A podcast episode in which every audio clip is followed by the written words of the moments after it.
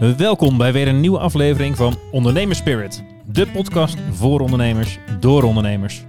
Ook te volgen op Instagram en LinkedIn, dus volg en like ons op die kanalen en natuurlijk via je favoriete podcast app. Maar we gaan het nu eerst over ondernemen hebben met hopelijk weer enkele waardevolle tips en ondernemerslessen voor jou als luisteraar. Dus schenk een mooi glas whisky in, dan doen wij dat ook. We gaan beginnen! Ik zet hem nu pas, ik zet hem nu pas aan. Ur Urbexen zei je? Urbex. Trap jij hem af? Trak ik hem af? Ja, Ja. is goed. Formele Eh, aftrap. welkom. We zitten bij eh, Jij Online in Utrecht. Ja, welkom mannen. Ja, Ja, dankjewel dat we bij jou eh, te gast mogen zijn. Ehm, Christian Slierendrecht, toch? Klopt. Kijk, dat is alvast goed. Ehm, en eh, laten we eerst maar eens beginnen voordat we aan de whisky gaan. eh, even heel kort in een minuutje. Wie ben je? Wat doe je?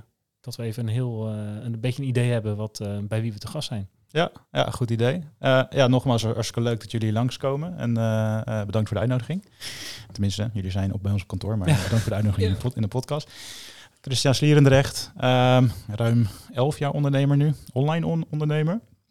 Bedrijfskundige achtergrond. Ehm, na mijn studie een paar jaar gaan werken in de corporate wereld, financiële wereld. Ehm, daar heel snel tegen muren opgelopen eigenlijk, dat ik daar mijn creatieve ei niet kwijt kon. Ehm, en ook niet echt een idee had van wat voor waarde voeg ik hier toe.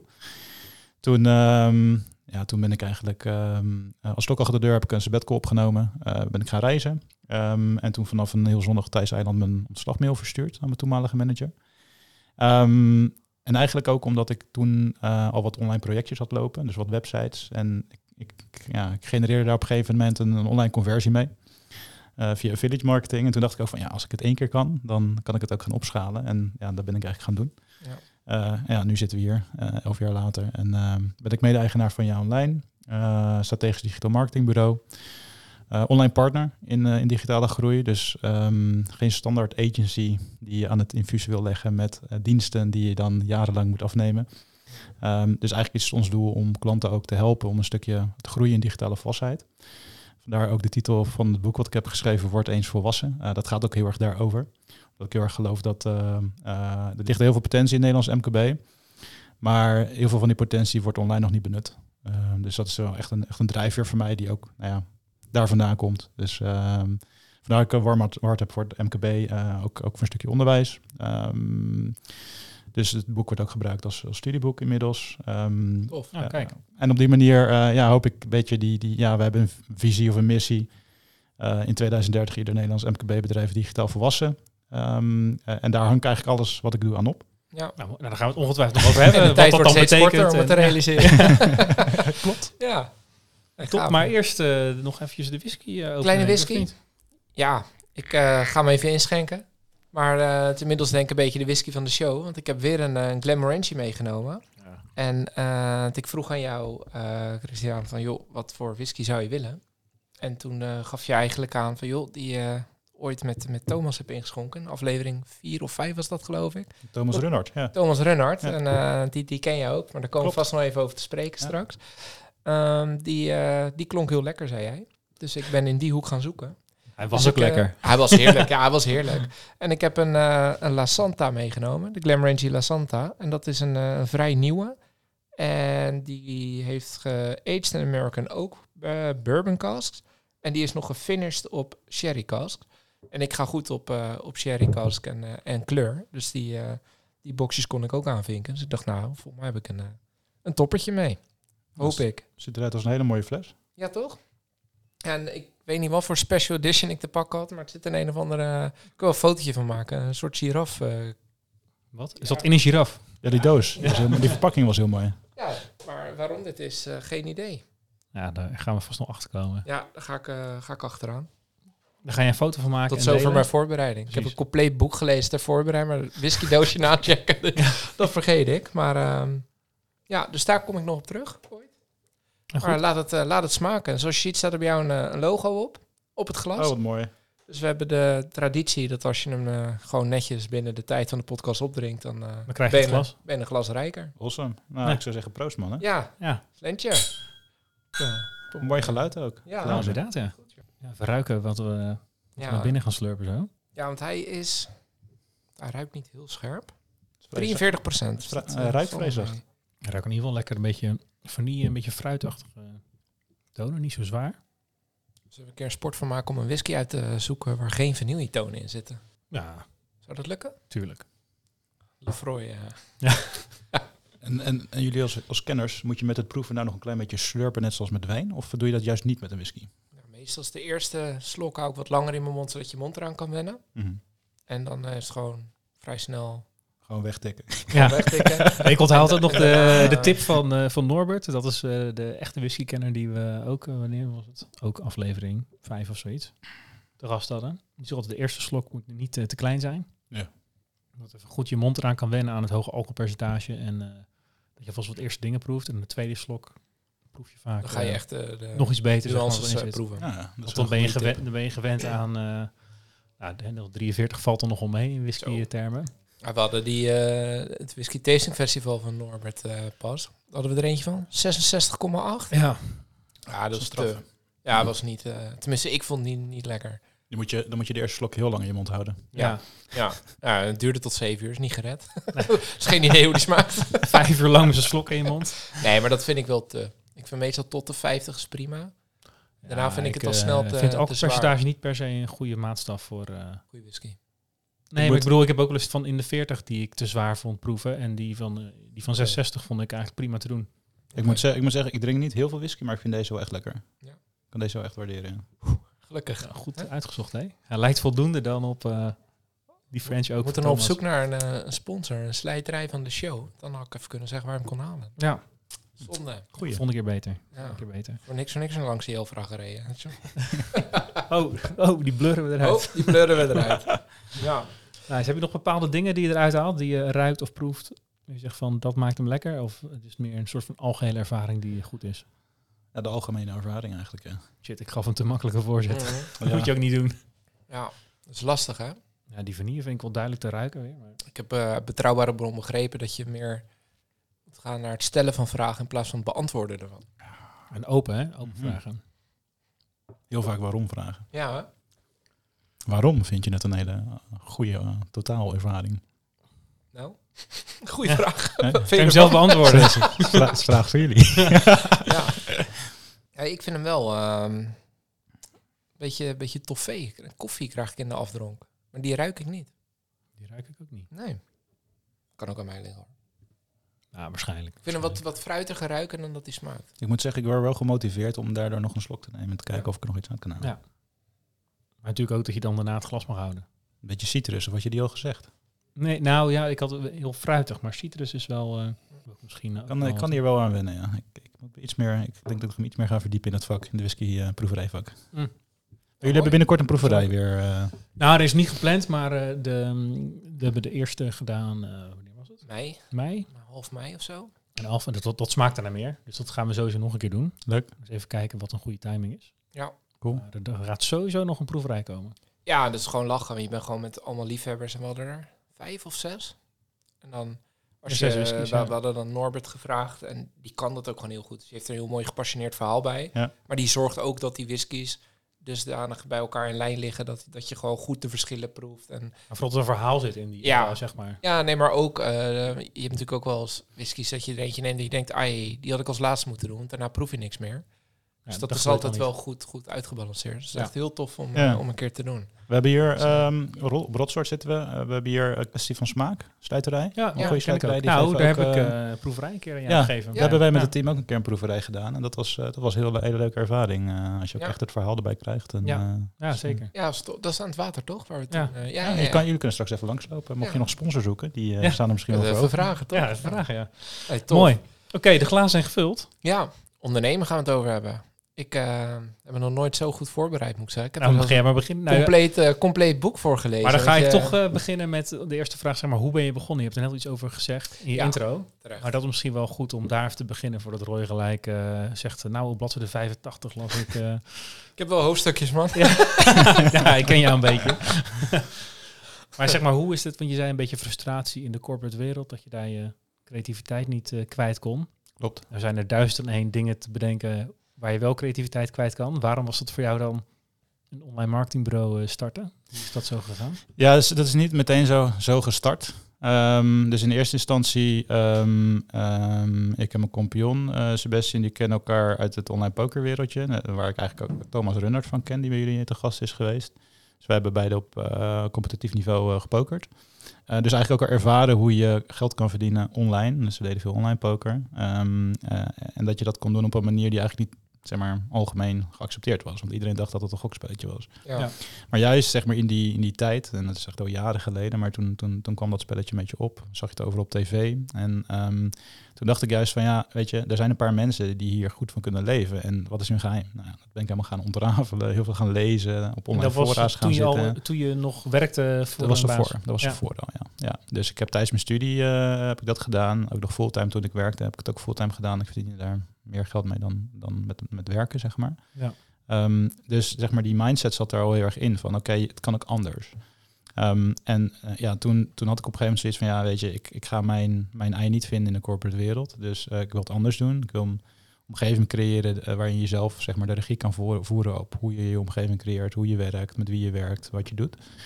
Dus toen, het eerste wat ik deed toen ik ontslag had genomen, toen ik thuis, toen ik thuis kwam weer in Nederland, toen heb ik een kantoorruimte gehuurd. Op anti-kraakbasis in Utrecht, aan de Kanaalstraat is dat. Hadden we heel veel ruimte. Echt, eh, 150 vierkante meter of zo, dus meer ruimte dan we nodig hadden. Ja. En toen eigenlijk ja, met een paar gelijkgestemde eh, vrienden zijn we gewoon gaan experimenteren. Eerst als ZZP'er. Ehm ik heb eh, heel, veel, ja, heel veel blogs ben ik mee gestart. Dus heel veel gaan schrijven. Veel gaan leren over zoekmachine optimalisatie, SEO. Ehm, en in de eerste jaren op basis van affiliate marketing eigenlijk de eerste omzet gebouwd. Eh, nou, dat werd een beetje saai op een gegeven moment. Op een gegeven moment hebben we een webdesign label bij gelanceerd, want we bouwden toch al websites. Dat was Ja. toen jij online. Dus was echt een specialist in eh, webdesign. We bouwden zelfs websites in één dag, was ons ding. Ja. Voor 1000 euro. Ja, ja, ja. En eh, ja, dan ging je toch een beetje ontdekken van, ja, weet je wel, wat werkt wel en wat werkt niet. Want ja, eigenlijk waren we toen gewoon, we richten ons op ZZP'ers. Maar ja, weet je, je gaat toch de vraag stellen, weer die waarom-vraag stellen van waarom je dat nou eigenlijk? Nou, Niemand heeft een website nodig, maar er zit altijd een doel achter. Weet je wel, je wil of wil meer business genereren of meer leads of je wil je impact vergroten. Ehm, nou, en toen kreeg ik op een gegeven moment in 2011 een keer een eh, uitnodiging om een gastcollege te geven aan een eh, eh, beroepsonderwijsinstelling. En toen dacht ik van ja, wat, wat, welk verhaal ga ik brengen? Want het waren studenten die hadden een mini-onderneming waar ze aan het opzetten. Moesten ze online gaan doen. Vanuit school, zeg maar. Dat Vanuit was de opdracht. Dat was de opdracht, ja, hoe kan ik gewoon helemaal plat slaan eh, ja, hoe je dat kan leren online ondernemen? Dus toen tekende ik een soort van eh, ja, simpel modelletje op een bierveeltje bij van spreken. En toen, ik had erop gezet idee, platform, traffic en conversie. En toen dacht ik, ja, dit is eigenlijk gewoon een cirkel. Het is gewoon een cyclus. Nou, dat heb ik als model daar ge- ge- ge- gebruikt ehm, eh, in dat college. En dat ben ik eigenlijk gaan doorontwikkelen. Dus overal gaan toepassen. Dus je ziet het ook in mijn boek terug. Ehm, we hebben het een tijdje op onze website gebruikt als structuur. Ja, het is eigenlijk een soort van wendbaar marketingmodel. Daar is het toe uitgegroeid. En ehm, het deed ons ook inzien dat we gewoon, weet je, we, we werden gewoon veel blijer van het, het helpen van ondernemers om naar een volgend niveau te gaan. Eh, dus meer een partner te worden in plaats van een leverancier. Ehm, eh, en zo is dat eigenlijk een beetje, een beetje ontwikkeld. Dus eh, waar we eerst websites verkochten eh, in één dag, Ja. Ehm, ja, is het, zijn het nu echt langdurige samenwerkingen. Sommige klanten werken al zeven jaar mee samen. Ehm, eh, maar in, in principe is het de intentie om een klant naar volgend niveau te halen. Dus op een gegeven moment als een klant zelfstandig is, dan is het ook, ook goed. Ehm, eh, dus dan is het ook helemaal... Missie eh, geslaagd Is het missie geslaagd, Ja, ja. ja. Wat is dat dan voor jou? hoe definieer je dan het verschil tussen een leverancier en een partner? Waar uitzicht dat dan in? In die langdurige relatie of in... Ja, verschillende, verschillende dingen. Dus ehm, als leverancier ehm, eh, wil je eigenlijk gewoon je diensten verkopen. Dus je zit wat meer op de transactie. Ehm, als, en als strategisch partner denk je echt mee vanuit de business. Dus wat wij doen, wij gaan naast een ondernemer staan. We gaan dan in eerste instantie heel veel eh, vragen. Dus een soort diagnose stellen van waar sta je nu? Eh, waar wil je naartoe? En wat zijn eigenlijk de uitdagingen, gaps en doelen die daarin vallen? En dan ga je kijken, los van wat je zelf SEC aanbiedt, ga je kijken van hoe kan je daar, daar komen? Dus ehm het kan best zijn dat je, een- we werken ook vanuit een business case vaak, dus dat je echt gaat doorrekenen van wat is er nodig. Ehm, en dan ga je kijken welke elementen zitten daarin. Dus wij zitten in een online hoek, dus het kunnen vaak verschillende tactieken zijn. En wat je ziet is leveranciers focussen zich op tactieken. Dus je bent bijvoorbeeld eh CA-bureau of een SEO-bureau of een copywriting service. Ja. En dan En- doe je dat. En dan doe je dat. En het is hartstikke verklaarbaar, want het is makkelijk. Want dan heb je een specialisme waar je op kan focussen en dan kan je makkelijker opschalen. Alleen je bent wel een vervangbare schakel. Want ja, als je niet presteert of als het zeg maar eh, als ze iemand anders willen, dan kunnen ze je er zo uit, eh eh, uitkoekelen. Ehm, eh, omdat je gewoon een dienst levert en niet per se toegevoegde waarde.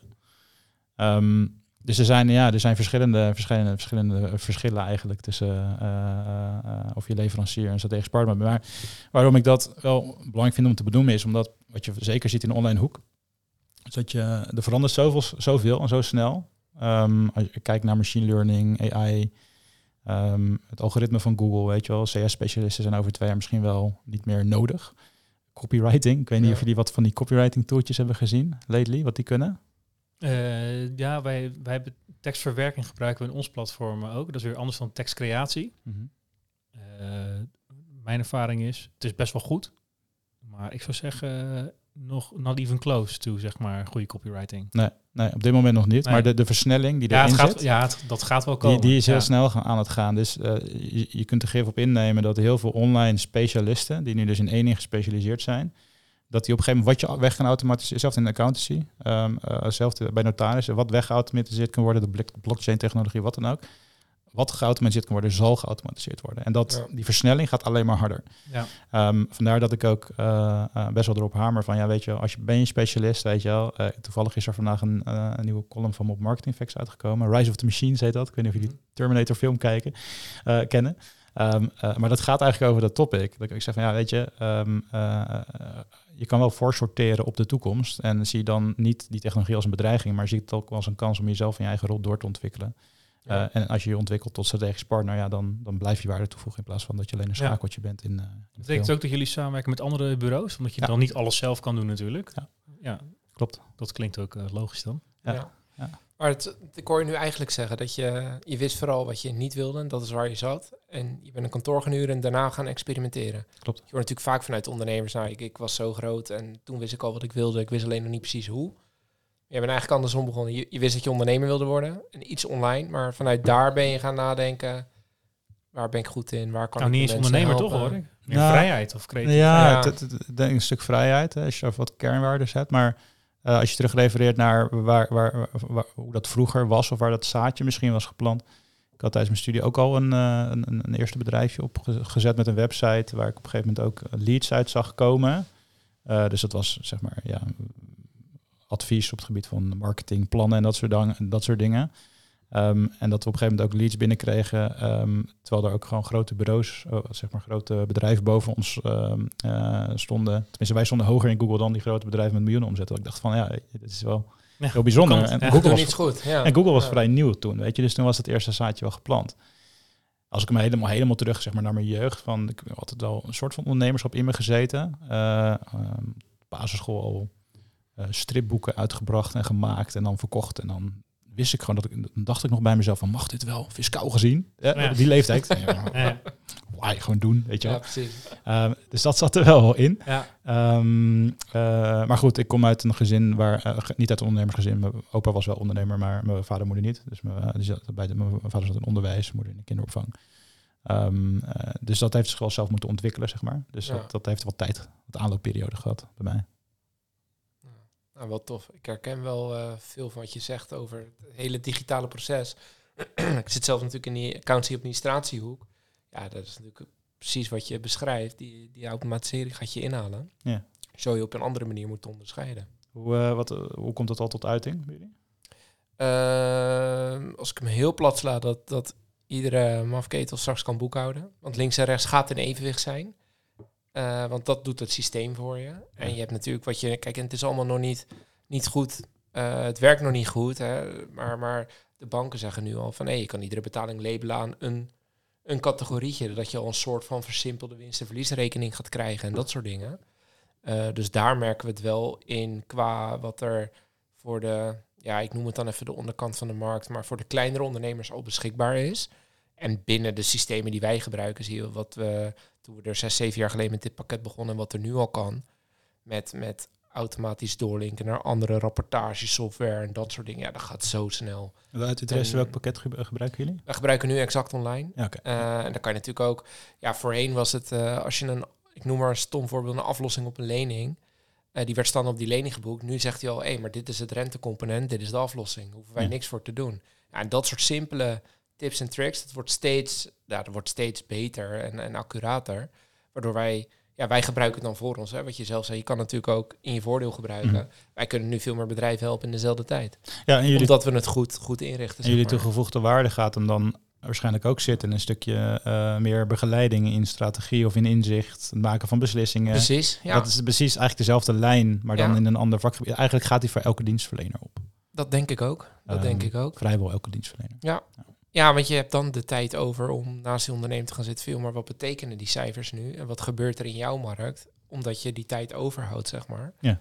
Eh, dus wij zien onze dienstverlening nu al die kant op gaan. Maar ja, ik denk dat over tien jaar, ik denk dat zeker de helft van de, de boekhouders die alleen het basissegment bedienen, dat die niet meer bestaan. Ja. Want Ja, die, gaan het, die gaan het zelf doen. Het belangrijkste is dan dat we dan de macro-trend vasthouden dat er steeds meer mensen voor zichzelf beginnen, weet je wel. Ja. En dat we de juiste begeleiding en eh, Zeker. infrastructuur bieden om dat ook te ja, nou ja, vooral eh, die supporten. eh, ZZP'ers. Ja. Ik ken ook een paar partijen die hebben gewoon een soort van boekhoudpakketten in een app. Ja. Dat is voor een ZZP'er die gewoon... En als die denken, joh, ik kan mijn twee BTW type aangifte diensten doen heeft, en het zal wel. Daar zit eigenlijk alles al in. Dus, dus Vet. die markt gaat een soort van verdwijnen. En de wat eh grotere ondernemingen, of de wat complexere ondernemingen, ja, die gaan wel die hulp nodig hebben. En daar moet je denk ik nu al op voorstellen. Ja, Eens. dus Dat dat is Weet je nog eh, mijn eh boekentip van onze zomersessies? Daar gaat het hier ook over, het boek van Clayton Christensen.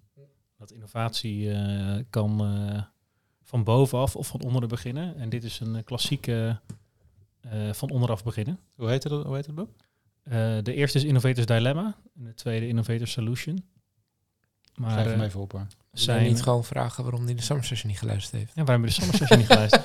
Volgens mij heb ik wel, eh, managementboeken heb ik wel een aflevering Ja, van. Maar die ja. heb je misschien al benoemd, die- heb ik hem toen niet opgeschreven. Nee, dat zou kunnen. Hij maar zat dat- denk ik in de innovatieaflevering. Dat is net als een mar- Oh, dat zou kunnen. ik. Dat net als in- marketing, je hebt gewoon verschillende touches, meerdere Ja. touches nodig Ja. voordat ik me kopen. ja, ja, ja. Hij zou in de innovatieaflevering kunnen zitten ook. Ik weet het eigenlijk niet eens meer zeker waar die in zat. Ik denk dat hij daar Maar het grappige is, zijn voorbeeld of de staalindustrie, die is van onderaf geïnnoveerd in Amerika. Met staalmolens die slechtere kwaliteit staal produceerden dan die hoogovens. Ehm, en voor die hoogovens zat er ook een lagere marge op. Dus die dachten, nou prima, gaan jullie dat doen. Slechtere kwaliteit, wij hebben hogere marge, prima. Eh, maar die, ja, die technologie wordt natuurlijk steeds beter. Dus we konden steeds complexere staalconstructies maken van steeds betere kwaliteit. Dus als we dan twintig jaar voort in de tijd gaan, dan hebben opeens die partijen die eerst zeiden, nou prima, dat is geen concurrent, neem die lage marge producten maar over. Ja. Die waren opeens zeg maar hun markt kwijt. Omdat ze altijd dachten van ja, prima, dat is ons laagste margeproduct, kom maar. Ja. En dat is hier ook een beetje, zeg maar, Ja. die boekhoudprogramma's, die kunnen in het begin alleen die ZZP'ers helpen, want dat is niet zo complex en dat is prima. Wordt en dan- steeds slimmer. En dan worden het eh, de, de grotere ZZP'ers, dan worden het de kleine MKB'ers. En eh, ja, dat, Dus eh, ik weet niet of dat, dat plaatje kennen van, eh, dan zie je ook zo'n zo'n curve van, dan zie je zo van, eh, zo, over robotisering en AI, van oh, dat eh, robotje kan leuke eh, API-trucjes doen en dan opeens denk je van, wat de fuck is er gebeurd? Ja, ja, ja, ja, Ja. precies. Wat Ja, doen ze opeens allemaal? dat kan heel snel gaan. ja, en we zitten volgens mij midden in die curve nu. dat denk ik ook. Dat denk ik ook, ja. ja. Maar ehm, Ja, Roy en ik ik, zit hier, ik zit al toch gewoon te genieten met dat, dat lijstje voor je. En ik ben echt benieuwd wat er gaat komen. ja? Ja. Nee, ja, ik probeer veel parallellen te trekken, maar waar, waar ik Maar ook voor de luisteraar even duidelijk, want we hadden het net over ondernemen als jij online. Ja. Maar ik heb het idee dat jij nu eventjes specifiek het boek ingaat, toch? Of niet? Word dus volwassen. Eh, niet per se, maar oké. eh voor de brug. nee, waar ik nog even benieuwd waar, wa- want jij trok net de parallel met, met, eh, met een poker. eh, dat je, ik, ik, ik zie niet helemaal dat je vanuit een pokeromgeving, wat jij dan niet zag als een gokspelletje, maar als een ja, strategisch spelletje dan, denk ik. skill Of, game. ja, echt een skill game, maar hoe je dan die parallellen trekt met, hé, hey, er is online de geld te verdienen. Mhm. Ehm, ja, die, die snap ik wel, maar dan gewoon als pokerspeler.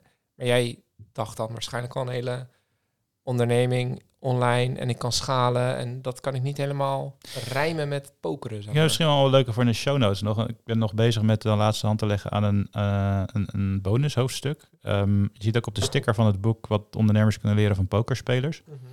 En eh, het boek heeft hele goede recensies gehad. Maar het enige wat ik eigenlijk terugkreeg van de rec- recensent wat, was dat ik daar wel wat dieper op in had kunnen gaan op dat topic. Dus daar heb Mhm. ik een bonushoofdstuk over geschreven. Dus die kan ik wel als primeur aan jullie meegeven in de show notes. Die is nu Kijk. nog concept, maar misschien Cool. leuk om erin Ja, in te tof. stoppen.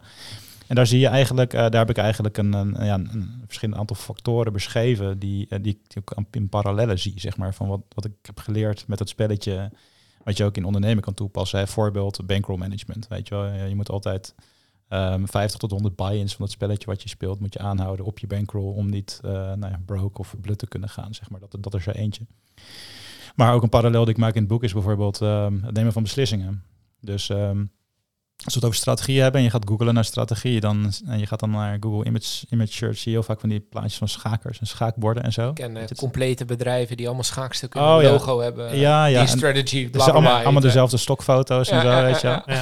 En eh, dus dat staat soort van synchroon aan strategie. En ehm, eh, terwijl ja, ik maak de vergelijking in mijn boek van ja, als je een schaker bent, dan heb je best wel een tweedimensionaal speelveld. Want je hebt een, een, een bord met 64 vakjes. ehm, eh, en een, grootmeester wint altijd van een beginner. Want eh, die, die, die wint het op mentale kracht, vooruitdenken, skill en ervaring. Alleen een pokerspeler die, die moet het heel anders benaderen. Dus die heeft een veel complexer systeem. Dus die heeft, die heeft eh, wel bepaalde speelregels, maar die heeft verschillende tegenstanders, verschillende dynamieken. Die moet omgaan met emoties, met, positief, met negatieve tegenslagen, maar ook met, met positieve meevallers. Want dat heeft ook invloed op je beslissingen. Zeg maar, als je een grote pot wint terwijl je niet had moeten winnen, dan kan dat ervoor zorgen dat je beslissingen daarna negatief worden beïnvloed. Ja. Ehm, Omdat je denkt, ik heb het geluk aan mijn kont hangen. ja, heb Ja, ik, ja, ik weet niet of jullie de term tilt kennen. Tilt? Tilt? Nee. Ja, van een eh, slotmachine. Maar Uh, tilt, zeg, tilt is eigenlijk dat je, eh, of monkey tilt, dat je zeg maar, als je een paar keer verliest terwijl jij eh, de beste hand had, dus je had statistisch de beste kans om te winnen, Ja. en dan verlies je een paar keer en dan kan je op tilt slaan. Dus dan Ja. daardoor dat je echt het stoom uit je oren komt en dat je beslissingen echt zo slecht worden, waardoor je misschien wel ja, eh, binnen twee dagen je hele bankroll er doorheen jast en weer vanaf nul moet beginnen. Eh, de keerzijde is euforische tilt, is dat je een paar keer wint, eh, terwijl je misschien had niet had moeten winnen en dan overmoedig wordt. Ehm, dus dat kan ook weer je, je beslissingen negatief beïnvloeden. Maar het, het- zeg maar het idee achter winstgevend pokerspelen is dat je dus eh, op de lange termijn heel veel beslissingen maakt, die ervoor zorgen dat je dus op de lange termijn eh, winstgevend speelt. ja, Ehm, ongeacht welke emotie erbij komt kijken ehm, eh, en ongeacht het resultaat. Dus je focust je puur op de input en dan komt de output. En dat lijkt heel erg op ondernemen. Ik weet niet of dat voor jullie herkenbaar is. Eh, ja. Hoewel, ik, ik zit nu even te denken, want eh, mijn compagnon, die, eh, daar moet ik binnenkort maar mee om tafel, want die noemt zichzelf een schaker, omdat hij strategisch denkt. Ja, ja. Daar ga ik daar zeker aan voorleggen. Maar, Zeg eh, ik wil een nieuwe compagnon. Nou, bijvoorbeeld, ja, afhankelijk van zijn Iemand die kan pokeren, ja. Nee, maar die, ehm, die parallel die je, die, je- die je net trekt, zou je dat, dan- zie, zie jij dat dan ook bij, bij ondernemers? Want ja, je hebt natuurlijk altijd wel een, ja, noem het even een, een lucky shot, zeg maar. Dat mensen een nieuw product of nieuwe dienst die blijkbaar ineens geboost worden en wat dus blijkbaar werkt, dat ze daardoor in de toekomst ook ja, ongefunde beslissingen nemen op basis van, ja, maar de vorige keer werkte het ook. Ja, dat kan. Oké, dat Dus, is wel dus je, zit ook, ja, je, kan, je kan ook de mazzel hebben dat je een keer de mazzel hebt. En Ja. dan vervolgens verstandig bent. Dus je kan ook, zeg maar, de, mensiteit is natuurlijk super interessant. Want op het moment dat je eh, die lucky shot hebt en ehm, eh, je gaat de tijd tussen die lucky shot en je vervolgstappen benutten om, om, om betere beslissingen te maken, dan kan je alsnog dat in je voordeel benutten. Ja, Uh, maar het kan er ook voor zorgen dat je het meteen weer verbrast. Ik bedoel, kijk, daar is ook genoeg onderzoek naar gedaan. Kijk naar mensen die loterijen winnen, die miljoenen hebben. Uh, ja. De meeste mensen, ofwel ze zijn het weer kwijt, of ze zijn er ongelukkiger van geworden. Neem een gemiddelde voetballer. Volgens mij zijn die allemaal binnen vijf jaar is, uh, is 30% weer failliet of zo, volgens mij. Ja, er zijn met, uh, na, met, na met loterij carrière. ook, ja, en met loterij ja. is dat ook. Ja, ja. ja dat inderdaad een, een deel is snel weer failliet. Ja, en die factor geluk is volgens mij ook... Uh, wat ik weet van die geluksonderzoekers... is dat je heel snel optrekt aan mensen in een vergelijkbare situatie. Mm. Dus wij zijn niet gelukkiger dan iemand in een sloppenwijk in India. Ja. Die geven hun leven vergelijkbare cijfers. Omdat ze zich... Ja, ze kijken naar de ze, mensen ja, om hen heen. Ja, dus precies. altijd, ze, nou ja, prima, dan, dan is het best wel oké. Okay. Dan heb je daar ook mensen met een zesje en een vier en mensen met een acht. Maar als wij ons vergelijken met hen, denk ik, ja, zij moeten zichzelf een één geven. Want ja, ze hebben niet eens stromend water, geen elektriciteit. Het is altijd afhankelijk van de context waar je in bevindt. Ja, precies. En dat is denk ik met zo'n loterij ook. Want dan ga je opeens vergelijken met andere miljonairs. Ja. Ja, ja. die hebben dan toch net een groter huis. En, ja, precies. Uh, ja. Uh, precies. Ja. Nou, wel, wel, wel interessant. Want um, zo had ik die parallel nog niet gezien. Ik dacht, ja, poker, ja, dat klopt, dan kan je online geld verdienen. Maar hoe vertaal je dat dan naar, naar een online onderneming, zeg maar? Dus dat vind ik wel een, uh, wel een interessante. Maar stel nou, je hebt een ondernemer, die denkt logisch na, die heeft goede beslissingen, maar die weet mijn god niet hoe die het de wereld in moet krijgen. Dan komen jullie om de hoek kijken. Moet ik het zo zien? Of ben je daarvoor al betrokken? Bij, uh, je wil dit wel op deze manier aanvliegen qua product of dienst, maar heb je daar en daar over nagedacht? Neem je zeg maar de hele, hele klantreis mee? Of wanneer komt een, een, een ondernemer zeg maar bij jullie in beeld? Ja, dus de, de, de meeste, dan beredeneer ik hem even vanuit, vanuit uh, jouw lijn. Dus uh, de meeste um, uh, klanten die, die hebben al een bepaalde groeicurve doorgemaakt. En die, die willen nu naar een volgend niveau. Gaan ze Ehm, googlen? gaan, ja, dat kan. Ja, ze gaan, zo hebben we ons bedrijf wel opgebouwd. Echt op zoekmachine optimalisatie. En dan kwamen ze bij ons terecht. Um, uh, maar vaak lopen ze tegen een bepaald plateau aan, omdat de, de basis zeg maar, is vaak dan wel gerealiseerd door, doordat de, op de sales goed staat of het product staat goed. Uh, er is altijd nog wel het een en ander te verbeteren, maar uh, het marketing, marketing ontbreekt. De marketingfunctie. Heel vaak marketing ook gezien als een kostenpost in plaats van een business driver. En dat, ook een hele interessante. Ja, dus dat is een hele interessante, want dat, uh, dat wordt heel vaak over het hoofd gezien. Um, uh, marketing wordt in heel veel ondernemingen ook gezien als een soort van intern service uh, afdeling. Ja. terwijl het natuurlijk gewoon een integraal onderdeel is, gewoon een kernproces van je, van je business. Um, en daar, daar komen wij om kijken. Dus zeg maar, we hebben eigenlijk drie fases waar we, uh, waar we in kunnen helpen. En dat is, uh, het eerste is echt het fundament liggen, leggen. Dus dan heb je gewoon nog geen, bijvoorbeeld ook nog geen interne marketingafdeling. Maar bijvoorbeeld wel een website die nog suboptimaal is. Je hebt uh, je, salesprocessen nog niet goed geoptimaliseerd met opvolging via een CRM en zo.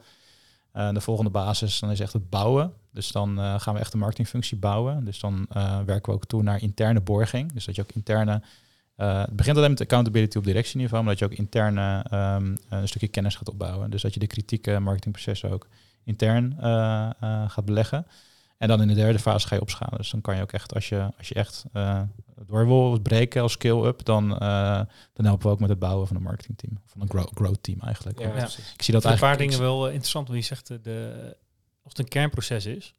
Nou ben ik misschien een beetje consultief erin, maar ik denk als jij ondernemer bent en iets is een kernproces, dan moet je dat zelf doen. En alles wat zeg maar ondersteunend is in een kernproces, dat kan je uitbesteden.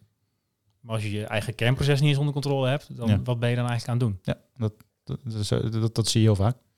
Dus maar ik- dat, maar er, er, zijn, eh, nou, er zijn eh, misschien wel meer marketingbureaus dan ZZP'ers, eh de heb ik soms het idee.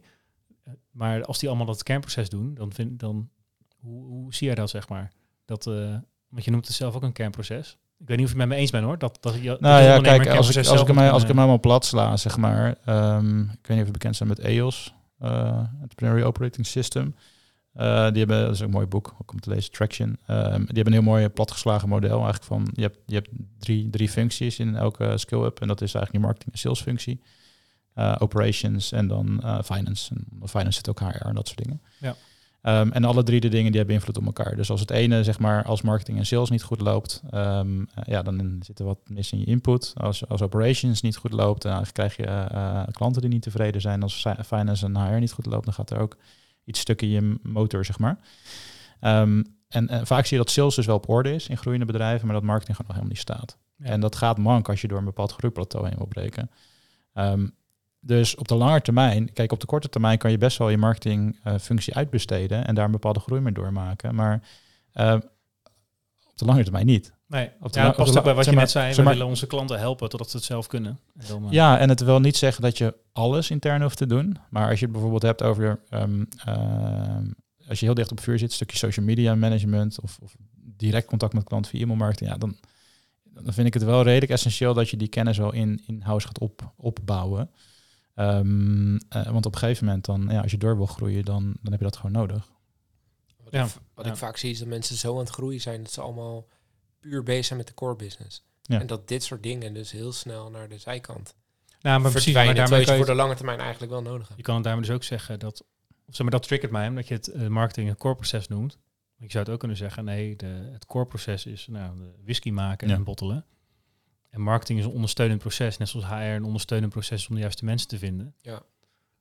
Want we kunnen alles wel weer een core proces noemen, maar dan, dan, ja, dan is alles een core proces. Dus dat, de, Ja. Maar je draait hem eigenlijk om. Zonder die marketing heb je niks meer te bottelen. Dus zeg Ja, mar- precies. Maar zonder HR, dan heb je Ja. geen mensen die de whisky maken, toch? Ja, en, eens. En zonder een pand huren. heb je- Dus zeg maar de... Geen locatie om te bottelen. Nee, precies, ja. Dus zeg maar, zo kan je alles omdraaien. Ja. Nou, maar de vraag is, zeg maar, wat is dan echt de core wat je doet? Ja, ik, snap, ik snap heel goed de focus op je kernproces, want dat brengt focus. Ja. Ehm, Ja, maar eh, dan vind ik dus ook logisch dat eh, je een marketing agency inschakelt. ja. Als je dat een core proces noemt, dan vind ik dat weer lastig te begrijpen, Ja. snap je? Dat, ja, eh, maar op de lange termijn, als je dus nul affiniteit en kennis opbouwt. Dus ik wil niet, kijk, het is echt niet altijd nodig dat je alle kennis in house hebt.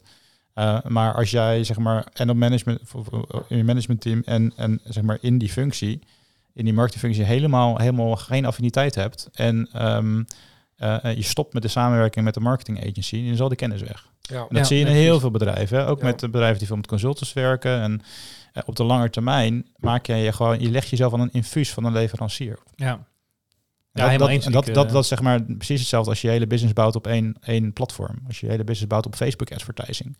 Is ook, geen, is ook niet slim. Nee. Die kan je, je- je kan Facebook dan zien als de agency die de dienst levert. Maar als die klikprijs opeens eh, door het dak gaan, waardoor je niet meer rendabel kan draaien. Of die agency die, klaar die je. Ja, wat doe je dan? Ja. ja. of mensen Ja. gaan weg van het platform, of in ieder geval jouw klanten. Ja. Ja. Ja, maar ik snap op zich wel, wel goed wat je zegt hoor. Want ik heb eh, in 2018 inmiddels, denk ik, heb ik aan eh Beekstein Business School heb ik ook een digital marketing, ja, post-HBO opleiding van weet ik veel, vier maanden gedaan of zo. Eh, ben ik een marketeer? Nee, zeker niet. Maar ik snap nu wel heel goed, als, iemand- als jij nu tegen mij zegt, eh, wie is je buyer persona? Dat ik vijf jaar geleden moeten opzoeken, wat bedoel je? Ja. En nu weet ik wel gelijk wat je bedoelt. Dus ik kan Ja. Daardoor een, een partij die je inhuurt, kan wel veel beter ook voeden. Precies. Ja. Waardoor jullie de beslissingen om betere info gaan maken om, om, om ons te helpen. Maar dat is, precies, dat is precies het niveau waarop ik het ook bedoel. Hè? Dat Ja. ik heb Ja. ook mijn, mijn boek getracht op, op dat level te schrijven. Dat Ja. je dus als ondernemer eh, beter, ja, betere gesprekken kunt voeren met, eh, Ja. eh, ook met, met specialisten of met, met, met partners. Eh, maar basically dat je ook gewoon je strategische beslissingen kan verbeteren. Ja. En als je die affiniteit hebt, dat, eh, dat, ja, dat, dat, gaat, ja, dat gaat je enorm helpen. Ja. Dat is eigenlijk sowieso je verantwoordelijkheid, toch? Als je iets gaat inkopen, dan heb jij een verantwoordelijkheid als klant dat je je goed genoeg inleest. Je mag iets best inkopen, maar niet afkopen. Dat, daar zit het Nou ja, een beetje. nee, maar dat is wel. Ik denk dat de meesten wel afkopen. Dat meesten denk willen klopt. En vervolgens krijgen jullie dan het gezeik van ja, je levert niet wat ik wil. Nou, dat, dat, dat, dat, dat, dan, dan, werken, dan werken wij dus niet samen. Dus Nee. wij zeggen altijd van in de meeste gevallen sturen wij ook aan op een stukje interne borging. En, dat, Ja. en nogmaals, het hoeft niet een 100%, altijd een 100% eh, fulltime functie te zijn. Maar wel gewoon eigenlijk dat level waar Ja. je het over hebt. En dat, daar zit voor mij wel het verschil zeg maar, tussen, tussen partner en leverancier. En de leverancier denk ik heel boeiend als die factuur maar eruit kan. Ja. ja, ja, precies. Ja. Wel interessant, want eh, ik, nou, ik heb dan zelf Nijrode gestudeerd in 2000, eh, nou, zeg maar 6 tot 12 of zo. En eh, dat ging, ja, dan krijg je ook wel marketing dingetjes. Maar dat ging nog over de krachtenmodel van Poort en de, Ja. marketing mix en dat soort dingen. En nou, een van jouw plaatjes in Vier was, joh, Ja, ja, ja. die zijn dood. Ja.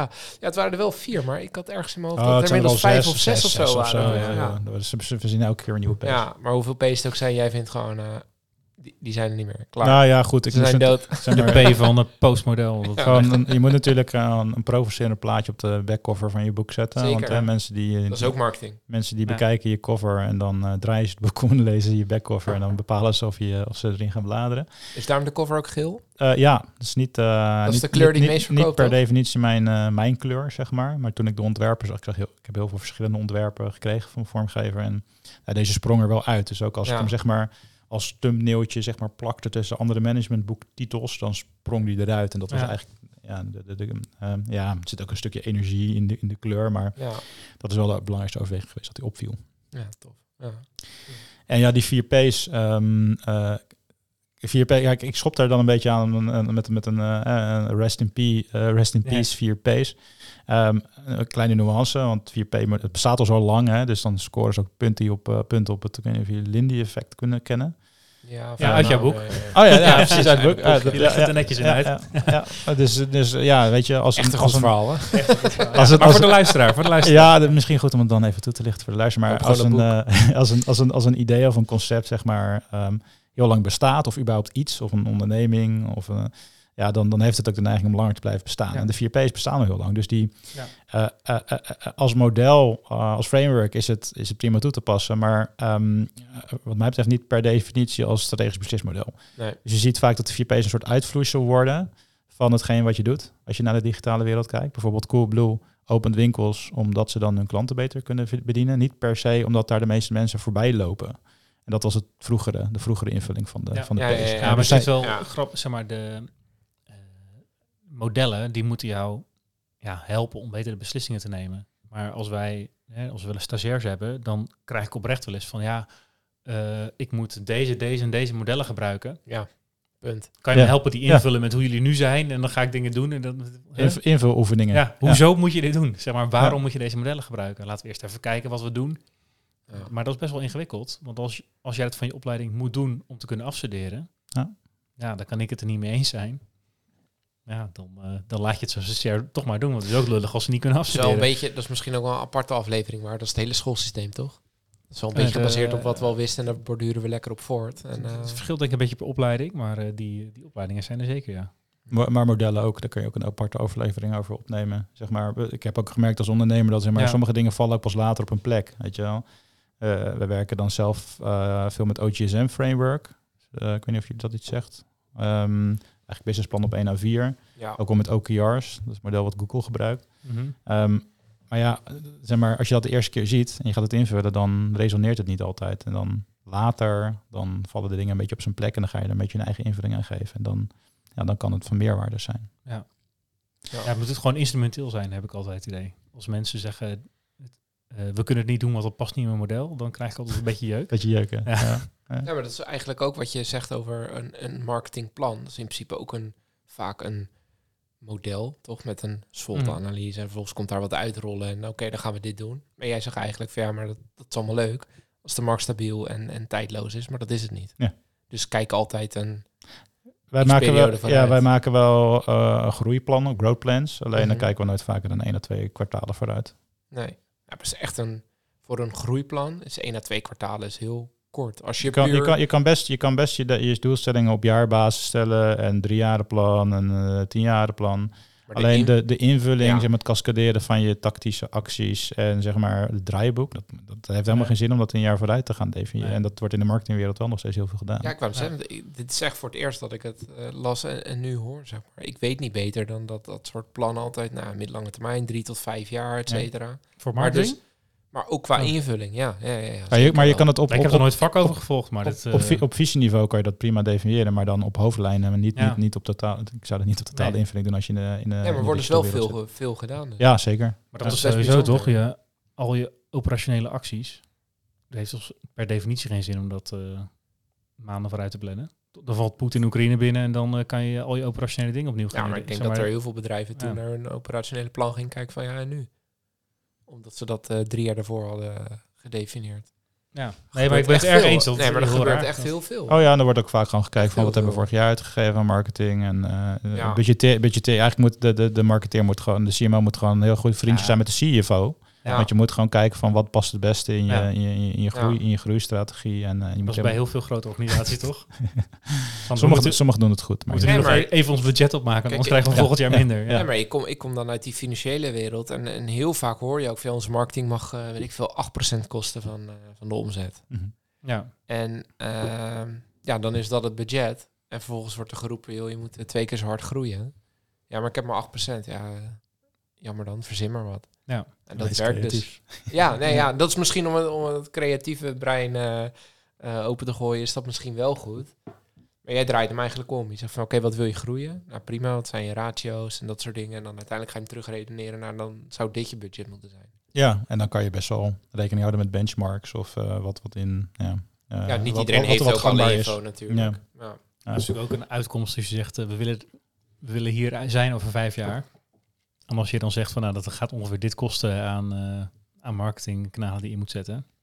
Dus dat een 80% van je budget is, dan moet je misschien je droom een beetje bijstellen. Ja, nee, dat, dat, dat, ja. dat kan heel goed zo zijn, dat je iemand een spiegel voorhoudt. Weet je, luister, heb je wel, besef je wel wat voor consequenties dit heeft. Ja. En, en soms is er dan nog niet eens rekening gehouden met het aantal FTE's wat je moet, moet, Nee, moet, precies, ja. eh, moet inhuren of Ja. organiseren. Denk Het dat kwam precies wel- uit met alle, Ja. met alle ads die we uitzetten. Ja. Ja, we kunnen maar alleen geen mensen Ik kan me betalen. best wel voorstellen dat je veel van dat soort gesprekken hebt. Want zeker de financiële mensen, die zijn heel erg gewend van ja, ik stop er een euro in, wat komt eruit rollen? Ja. Dus bij marketing natuurlijk lang niet altijd te meten. Ja, veel is wel te meten, ehm, maar niet alles. Dus je ziet wel dat het, zeg maar, het stukje, eh noem je het ook wel dark, dark eh, social of gewoon de donkere kant van marketing, zeg maar, dat wordt relatief groter. Ook door veranderende wetgeving, cook- cookie policies en dat soort dingen. Ehm, eh, dus dat was altijd het credo van de online marketeer. Online kan je alles meten. En tot een bepaalde hoogte is dat ook wel zo. Je kan veel beter iets me- een campagne meten dan dat je een advertentie in de Telegraaf zet, bijvoorbeeld, van wat, Ja. wat de impact is. Maar dat aandeel van directe attributie van Ja. een euro erin en zoveel eruit, dat wordt wel steeds lastiger. Je, Ja. je kan nog steeds het effect wel, wel zien, zeg maar.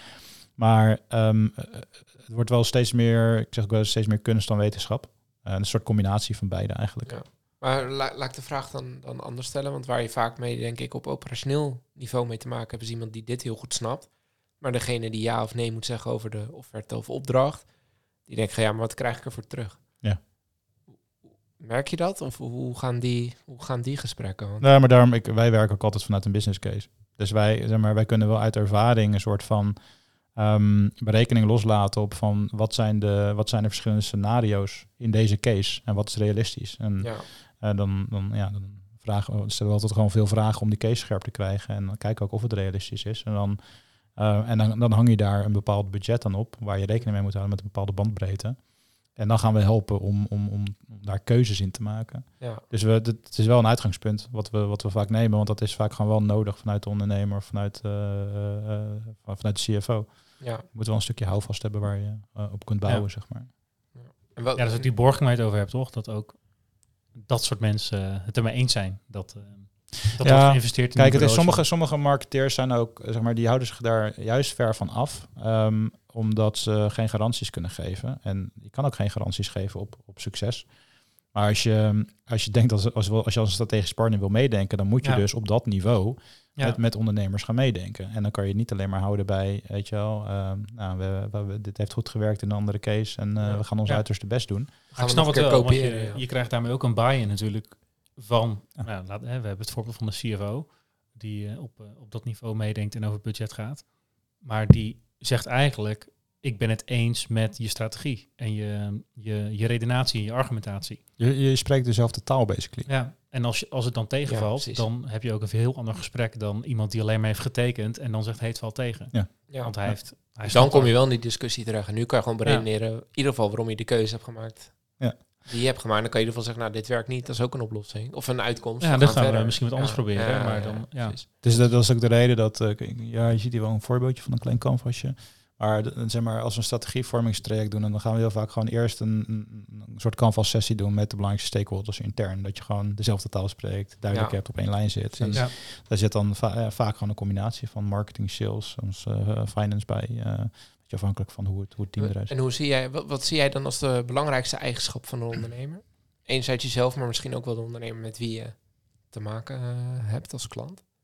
De belangrijkste eigenschap. Ja, Ehm, in in, in zo'n case waar wij mee samenwerken? ja Of- bijvoorbeeld. Of wat jij vindt, dat, Ja, wat jij moet hebben om succesvol te zijn in wat je doet. Ja, nou, een stukje, een stukje, dan komen we bij de eerste wereld van, onze, van mijn boek uit. Een stukje groeimindset vind ik wel heel erg belangrijk. Dus dat je echt open staat om eh, nieuwe dingen uit te proberen, te experimenteren. Eh, dus ook snapt dat je soms fouten moet maken om, om verder te kunnen groeien. Ehm, dat is wel, wat mij betreft, de, de belangrijkste ehm, ehm, voorspeller ook voor succes in de digitale wereld.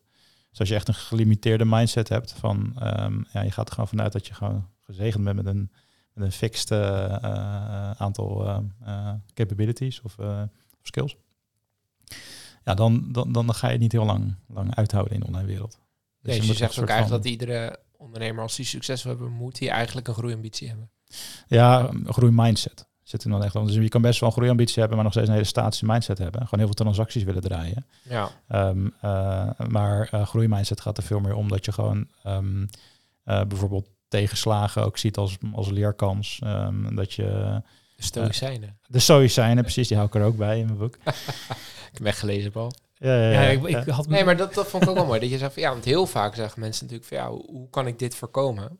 En dan gaan ze daar heel veel tijd en energie in stoppen om kleine lekjes zeg maar te dichten. Terwijl je, ja, als je zegt joh, ik ga er, ja prima, oké, het gebeurt. En we gaan vanuit hier weer verder. Het scheelt denk ik wel heel veel negatieve energie en tijd, et cetera. Ja, goed. En, daarom werkt het ook denk ik heel goed om eh, eh, te werken vanuit hypothesen en experimenten. Dus je, je doet wel een aanname en je runt er een experiment op, maar het is een experiment. En daar komt dan, je valideert het of je reject het. Dus er komt een uitkomst. En dat kan goed zijn of minder goed zijn. En als het goed is, ben je blij. Als het minder goed is, heb je iets geleerd. Ja, Dan neem je dat volgen, mee in een Ja. volgende cyclus. Ja. En als je dat blijft doen, dat is een soort compound interest, zo kan je het zien. Je, je, je, je stimuleert het lerend vermogen van je organisatie heel erg. En je kan ook nog eens de data die je daar opdoet, kan je gebruiken om bijvoorbeeld je businessmodel door te Ja. ontwikkelen. Of eh, op andere fronten je organisatie te Hoe zit het? eh, en want je helpt dan ondernemers die, eh, ja, die harder willen gaan groeien. Of die bepaalde, door een bepaalde groeilijn of tegen een soort groeiplafond aan, aan bonken en niet weten hoe ze verder moeten. Maar hoe zit het voor jullie eigen bedrijf? Wat, wat is jouw droom? Waar staat jij online over? vijf jaar, tien jaar? Ja, nou, een leuke vraag. Want wij, zijn, wij komen, zeg maar, als ik het naar mezelf betrek, eh, mijn definitie van groei was, was in eerste instantie erg gewoon groei in omzet elk jaar. En dat lukte ook op een gegeven moment. Op een gegeven moment liepen we dan ook wel een beetje tegen een plateau aan dat we eh, maar eigenlijk niet meer zo heel blij werden van, van die groei aan zich. Want het bracht veel stress met zich mee, zeker in de agencyhoek. Dus wij zijn dus in, in, in, in de coronatijd juist heel erg gaan schalen. Want er is eigenlijk crisis, dat brengt kansen met zich mee, zeker in de digitale hoek. We zijn toen vrij snel van, uh, van vier naar acht, negen mensen in het team gegaan. Nou, en dan kom je een beetje in zo'n leiderschapsbumpje, weet je wel. Dat Mhm. je andere petten op krijgt als ondernemer. Meer moet gaan teamleiden en managen. En ehm, nou, we hebben wel ervaren dat dat niet helemaal onze sweet spot was. Dus wij hebben juist weer bewust eh, stap Afgeschaald. afgeschaald. En Ja. wat meer met partners gaan werken. Wel omzet gelijk gehouden. eh, iets ten koste van de marge. Maar daardoor wel veel meer weer in onze kracht gekomen. Dat is ook de reden dat ik nu wat veel meer aan het creëren ben. Veel meer aan het schrijven. eh, weet je, de dingen die ik leuk vind. Podca Ja. Podcasts Ja. opnemen. Ja, ja, weet je. ja. Dat kon eerst gewoon niet. Er was, Nee. gewoon, er was gewoon geen mentale Geen ruimte voor. Maar eigenlijk was die hele die, die managed rol, die paste je eigenlijk niet. Qua waar je blij van werd. Je kon het misschien Ja. wel, maar Ja, het was misschien, zat misschien wel in, eh, ja, in, in, in, in, skills of zo. Het kon, het kon wel, zeg maar. Maar het is niet dat, dat ik daar mijn energie uit haalde. Dus over vijf tot tien jaar, dan eh, zijn jullie niet een bureau met eh 30 man. Dan, dan zijn 30 jullie partners. 30 partners Ja. Ehm, dat zou kunnen. Ehm, eh, je ziet hierboven zie je ook het digitaal groeien. Dat is een programma wat we nu op, op, opgericht hebben. Ook met het idee dat we mensen kunnen opleiden. Dus leid- letterlijk als je het programma volgt, dan leer je ook hoe je kan ontwikkelen van leverancier naar strategisch partner. Ehm eh, feitelijk geven we daar gewoon o- saus, waarde weg, onze ja. saus weg over hoe je ons strategieproces dat ook aan klanten kan, eh, kan leveren en verkopen. Eh, ehm, en op die manier hopen we dan ook gewoon meer marketeers een stapje hoger te kunnen brengen. En als wij ehm, ehm, daar, daar, daar, daar, dat, dat, dat is een beetje de toekomstvisie, weet je wel. Dat wij dus meer eh, marketing van marketeers en marketingbureaus en verschillende specialisten kunnen helpen om die stap naar strategisch partner te kunnen helpen worden. Zodat zij hun klanten ook weer kunnen helpen. En dan Ja. krijg je echt die olievlek, want het aantal klanten wat wij vanuit jouw lijn kunnen helpen is beperkt. Ja. Ja, Ehm, dus je wordt dan meer een soort opleider van andere marketeers dan dat je zelf die, die strategisch partner bent, zeg maar. Ja, en dat zullen we voorlopig nog steeds wel zijn voor een x-aantal klanten. Want dat is Ja, nee, casuïstiek en daar Ja. leren we van, et cetera. Ehm, eh, maar op het moment dat we nieuwe trajecten, eh, veel nieuwe trajecten binnenhalen, dan, eh, ja, dan kijken we ook gewoon wie kunnen we daarbij aanhaken. En dat hoeft niet per se iemand van ons team te zijn. Dat kan ook een externe consultant zijn die we vervolgens door het programma halen en Ja. diezelfde traject kan gaan draaien. Ja, Ik dus het wel die een tof, zin, eh, ik vind het ook wel een tof inzicht. Om zeg maar, dat je ook echt hebt ervaren dat het alleen maar het groeien in omzet en mensen, dat dat niet zaligmakend is. Of in ieder geval niet voor jullie in de Ja. fase waarin je zat. Dat je dan ook heel bewust kan kiezen voor, eh, hè, ik noem maar willekeurige getallen, liever een tonnetje minder omzet en eh, drie man minder personeel in dienst. Want dan is het wat beter behapbaar. Is iedereen gelukkiger. En dan eh, eh, kunnen we de dingen doen waar we gelukkig van worden. En eh, ook de klanten die we dan hebben beter helpen. Ja, zeker. En het is ook, ja, maar eerst van, de definitie van groei is volgens mij ook aan het veranderen voor veel mensen, weet je wel. En eerst lag hij dus veel meer op omzet en op, op, op, op financiën. En op een gegeven moment zijn we ook steeds meer over teamontwikkeling gaan nadenken, werkgeluk, weet je wel, die hoek. Eh, en ik schurk nu ook steeds meer aan tegen, tegen gewoon verandervaardigheid. Dus ook zelf als team verandervaardig zijn, maar dat ook aan klanten kunnen overbrengen. Want dat is iets wat we volgens mij heel erg nodig hebben in deze, deze tijd. Maar het is wel een, het is wel een dappere, nou switch wil ik het niet noemen, maar een dappere, dappere keuze. Want in principe leid je wel je toekomstige concurrent op. Ja, maar ik zie dat niet. Ik Nee, zie je ziet het niet zo. Nee, maar dat, dat vind ik het dappere eraan, zeg maar. Want ik denk dat heel veel mensen denken, ja, waarom zou je dat in godsnaam doen? Nou ja, het- ik snap je vraag. Want in principe, als ieder MKB-bedrijf digitaal volwassen is, dan is het businessmodel ook op. Ja, Maar wij veranderen elk jaar. We doen elk jaar weer iets anders. Dus tegen Ja. de tijd dat 2030 is, Ja, dan is dat ook weer doorgeëvalueerd. ja. Ik heb ja wat je nu eh, digitaal volwassen noemt, dan sta je dan weer eh, in de aan- aan de kinderschoenen. start. Ja, waarschijnlijk wel, ja. Ja. Je ziet ook, zeg maar, die, die, je ziet ook die vijf fases die ik in mijn boek benoem. Ja. Je kan zo'n testje doen. Ik weet niet of jullie die ingevuld hebben. Ik heb hem nog niet ingevuld, maar... eh, Maar dan kan je dus eh, dan kan je zien, eh, scoor je in een van de vijf categorieën. En als je zeg maar eh, categorie 5, als je digitaal volwassen bent, ja, dan, dan, dan zal het ook veel meer gaan zitten op optimalisatie. Dan Ja. Dat je gewoon, weet je, de dingen, de, de processen draaien goed en zo. Ja, En dan kan een bedrijf nog steeds hulp krijgen bij Ja. data-analyse en optimalisatie. maar Ja, ik heb zelf altijd ook de inst- zeg maar, een goed bedrijf die wil zichzelf ook overbodig maken. Dat eh, vind ik altijd een mooie mindset. Zeker voor uh, wel een mooie mindset, ja. Ja. Er zijn er niet veel die het doen, denk ik. Nee, maar, ik denk willen dat, doen. maar ik denk als je dat echt wil, dat je ook de beste dienst levert. Ja, omdat je dan vanuit de andere kant ook... Ja, omdat je dan niet alleen maar als leverancier je, je dingetje aan het eh, dumpen bent. En, eh, Het dwingt je enorm om zeg maar eh, in de kop van de klant, klant te kruipen. Ja, dus een precies. stuk Ja. empathie mee te nemen. Ja, en Ja. ik denk dat het paradoxale is als je, als je probeert jezelf overbodig te maken, dat je jezelf juist heel erg nodig maakt voor die klanten. Vaak wel. dat ze want- denken van, ja. oh, dit is iemand die echt luistert. Ja, en dat, Ja. eh, precies. Ja. De- die, die, degene die luistert en die de juiste vraag stelt, die, ja, dat, dat, daar haalt een ondernemer iets uit, zelfs als ze al eh, veel verder zijn, denk ik. Ja, Dus dat zijn gewoon een soort van ja, prikkels die iemand altijd Ja. nodig zal hebben. Ja. ja tof. Ja, maar het is soms ook wel goed als een eh, extern iemand eh, zoiets eh, tegen je zegt. Als ik ook kijk naar mezelf. Ja, ja, ja. Vanuit het boek, eh, ik, ik herkende superveel. Maar als ik dan zelf mezelf... Wie is nou onze bar persona? Kunnen we zeker nog aanscherpen. Hmm. Terwijl dat eigenlijk zie- een van de vertrekpunten is. Ik zie je wijs op de tijd. Ik moet sneller doordrinken, denk ik.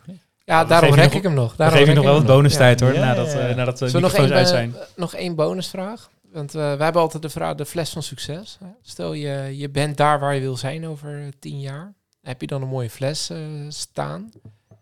En eigenlijk ben ik ook wel benieuwd, want dit, dit boek is volgens mij dit is een top drie boek geweest, hè, mijn managementboek. Ja. Ja, dan laat me dan maar gelijk vragen, welke fles heb je opengetrokken toen? Oh, toen, Ah. ja, nou, dat was wel een flesje bubbels, ja. Wel, hè? ja, gewoon een lekker flesje bubbels, ja. Een goede champagne. Tof. Ik ben nog niet tof. Heb jij nog een vraag? Nou, je hoeft hem niet achterover Nee, te gooien hoor. Nee, nee, nee. Hij, eh, hij, is soldaat, hij is soldaat gemaakt. Ja, top. Top. Ja. Ik, eh, het, het was zo'n leuk gesprek dat ik gewoon eh, mijn glas eh, een beetje Oh. vergeten ben. Ja, Maar het was een hele lekkere whisky. je weet het mooi te, te marketen, deze opmerking. hey, onwijs bedankt voor je tijd. Ik hoop dat je het leuk vond. En ik hoop Zeker. dat de luisteraars er heel veel van geleerd hebben. Zeker, voor degenen die nieuwsgierig zijn geworden naar Word eens Volwassen. Er komt dus, Precies. Wordt er ook een nieuwe druk met dat Ja. extra hoofdstuk? Of, ja, eh, tweede druk is onderweg, dus die komt eraan. maar dat is met Eh, dat nieuwe hoofdstuk? Of dat wordt dan pas... Dat een- nieuwe hoofdstuk ga ik apart eh, Wordt ook- oké. verspreiden, maar jullie krijgen de primeur. Gaaf. Ehm, eh, ja, als je nog eentje uit de eerste druk wil, dan moet je, ik weet niet wanneer deze episode verschijnt, moet je wel snel zijn, want de laatste exemplaren zijn nu, eh, worden nu eh, uitverkocht, zeg maar. Ja. We gaan een linkje van sturen. Super. Zeker. Waar ze hem kunnen Affiliate bestellen. marketing moeten we dan doen, toch? Ja, Nee. komt goed. hey, thanks voor je tijd. Dankjewel voor je tijd. Dankjewel, dankjewel mannen. Dankjewel voor het luisteren naar weer een aflevering van Ondernemerspirit, de podcast. Hopelijk vol met wijze ondernemerslessen en natuurlijk inspiratie voor schitterende whiskies. Volg ons op Insta als je dit vaker wil en subscribe natuurlijk eh, op Spotify. En help ons eh, zo aan een grotere fanbase. En eh, ja, dat wij meer ondernemers en whiskyliefhebbers kunnen inspireren met onze mooie verhalen samen en met een gast. Tot de volgende keer. De volgende keer.